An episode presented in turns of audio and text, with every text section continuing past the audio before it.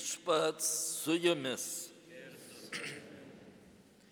Pasiklausykite Šventojios Evangelijos pagal Luką.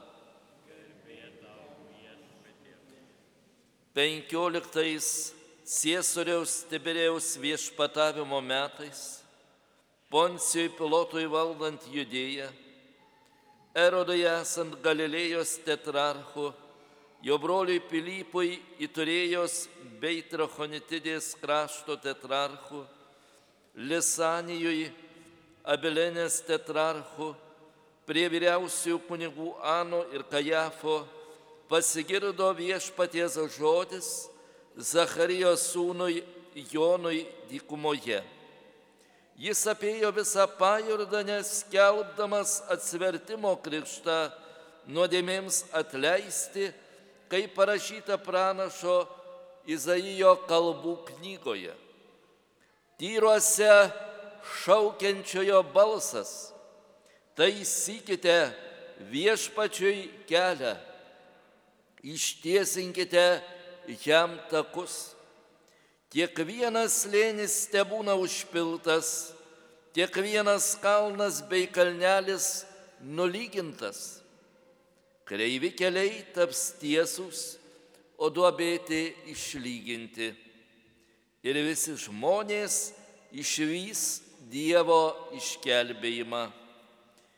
Girdėjote viešpaties žodį.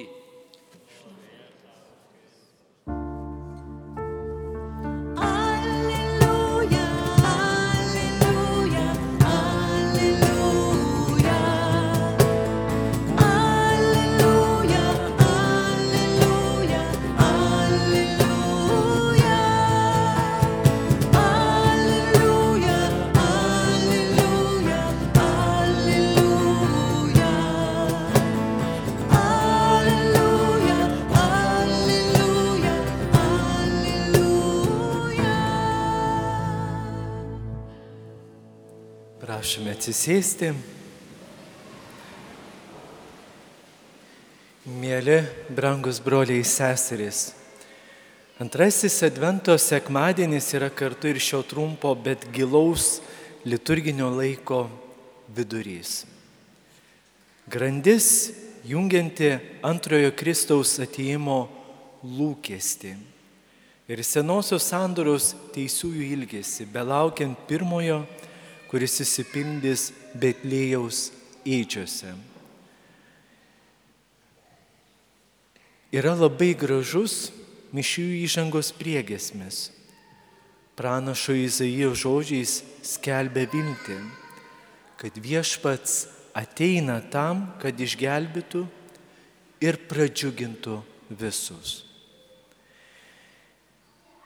Klausydamies pirmąjį skaitinį iš pranašo Jeremijo mokinio Barucho knygos girdime vilties kupiną raginimą Jeruzaliai, kuris simbolizuoja Dievo tautą.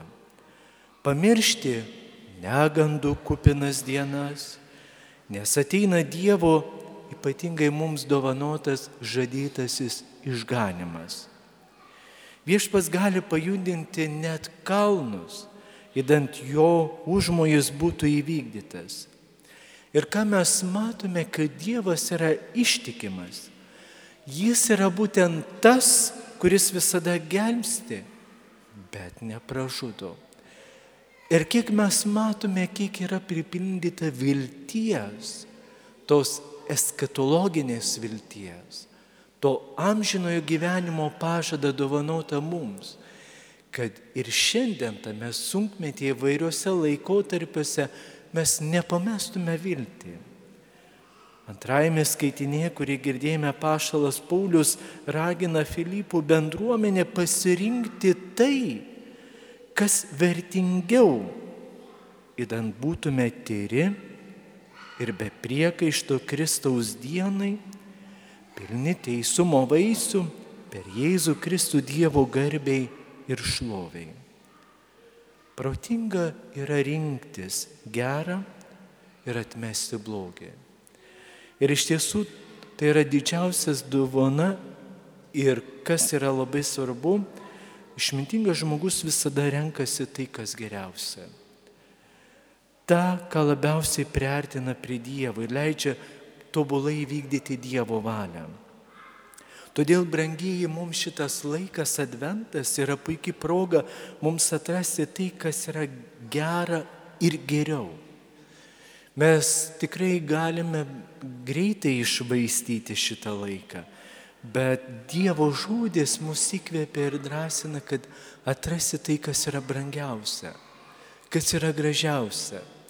Nežvelgti į akropolius, maksimas, parduotuvės, kitus vietas, kur yra tik tai tuštybių, bet atrasti laiką vienas kitam.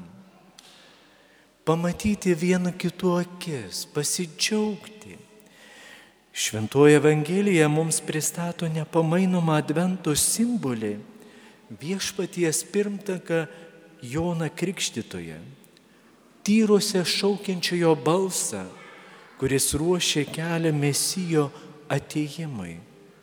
Dykumų Jonas yra lyg žadintuvas, pranašintis, jog prasidėjo nauja diena ir reikia keltis. Jonas Krikščitojas mus kviečia prisiminti tokius žodžius kaip atgaila ir atsivertimas. Kiekvienas žmogus širdėje trokšia, kad jam būtų atleista, kad jis būtų išlaisvintas.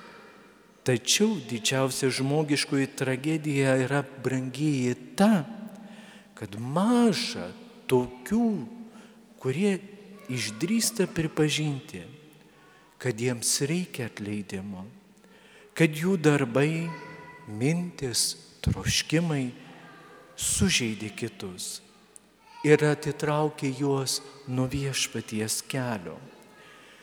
Ir Švento Jono Krikščitojo padrasinimams mums yra dovana nepamiršti to atsivertimo ir atgailos prasmės. Praradus nuodėmės suvokimą, iš tikrųjų brangiai mes prarandame ir galimybę patirti gydantį Dievo prisilietimą. Ir mes prarandame tą sampratą, kad Dievas yra gydantis. Jis neišrašinėja sąskaitas, neprimena.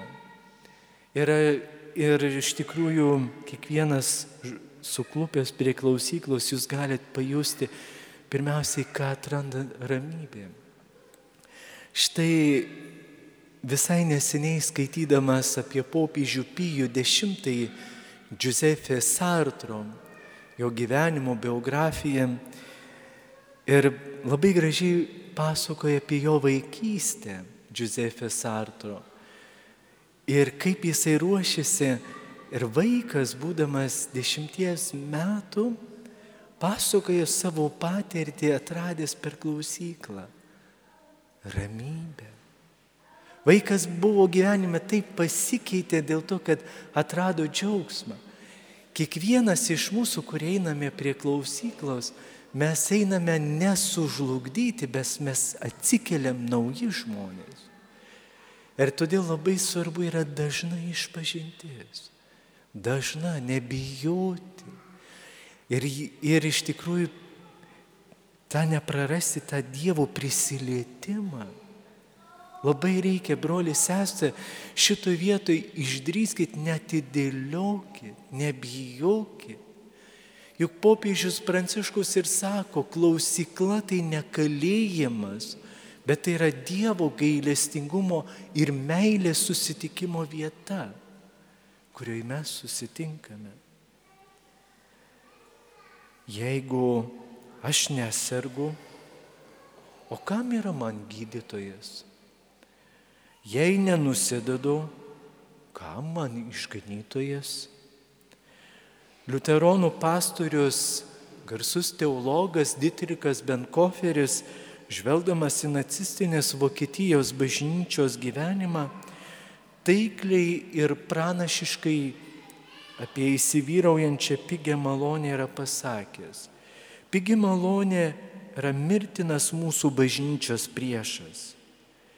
Pigi malonė tai malonė, kuri parduodama turguje lyg nupiginta prekė. Kitaip tariant, sakramentai - nuodėmio atleidimas, religijos teikiama paguoda, numetami ant priekystalio sumažintomis kainomis. Malonė neturinti savo kainos, nieko nekainuojanti malonė. Ir už tai jisai patyrė kankinystę, nes nebijojo kalbėti, kad neprarastų žmonės malonę. Dievas brangiai tapo žmogumi ne dėl to, kad neturėjo ką veikti, bet kad mus šiandien išgelbėtų iš velnio vergyjos, į kurį patekome būtent per savo pirmųjų tėvų nuodėmę. Betlėjaus prakartėlėje matomas ir Golgotos kryžiaus šešėlis. Dievas nužengė pas mus ne tam, kad išgertų su mumis arbatėlės ir pasiklausytų liaupsių skiriamo jam. Tikrai ne tam, bet kad pakeltų mus iš mišlyno, į kurį per savo puikybę mes visi įpuolame. Iš mišlo pakeltume, būtume pakelti vėl iš naujo tik suvokę savo brangieji nevertumą ir nuodėmingumą, savo kaltumą ir aklumą, mūsų širdyje pajusime gimstantį džiaugsmą. Nepaisant to, Dievas mane myli. Aš, kuris esu vertas tik pasmerkimo, esu nuteisinimas ir išgydamas, prikeliamas. Ar tai nenustabi mums dovana mūsų gyvenimui, kad tave myli brolio sesė? Ir tai yra tikrovė, tai tikrai nenupiginta filosofija, bet tai yra tikro krikščioniško gyvenimo, kad mes atsinaujintume Kristuje, kad mūsų gyvenimas yra Jėzuje. Tegul šitą nuostabų sekmadienį stiprina mūsų kelionę. Būkime drąsus, nugalėdami vairius stereotipus ir baimės. Leiskime būti paliečiami gydančio viešpaties. Ši nuostabų sekmadienį. Amen. Dvasia šventoji,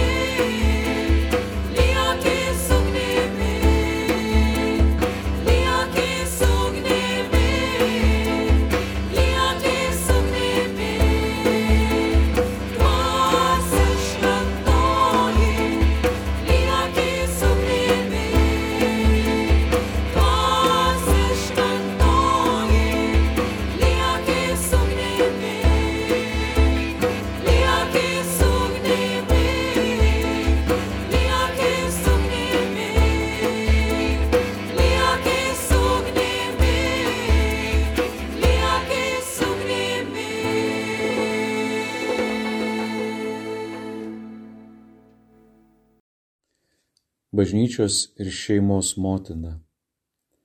Tęsėme katechezės apie šeimą, o šeimoje yra motina. Kiekvienas žmogus turi būti dėkingas motinai už savo gyvybę ir beveik visuomet už daugelį dalykų tolesnėme gyvenime, tiek žmogiškai, tiek dvasinį ugdymą. Nors simboliškai motina labai aukštinama, yra daug poemų, apie ją poetiškai sakoma daug gražių dalykų, tačiau motinos mažai klausomasi, jai mažai padedama kasdienėme gyvenime. Menkai vertinamas jos kertinis vaidmuo visuomenėje. Dažnai net naudojamasi motinų pasirengimu aukotis dėl savo vaikų, taip kabutėse taupant socialinės išlaidas.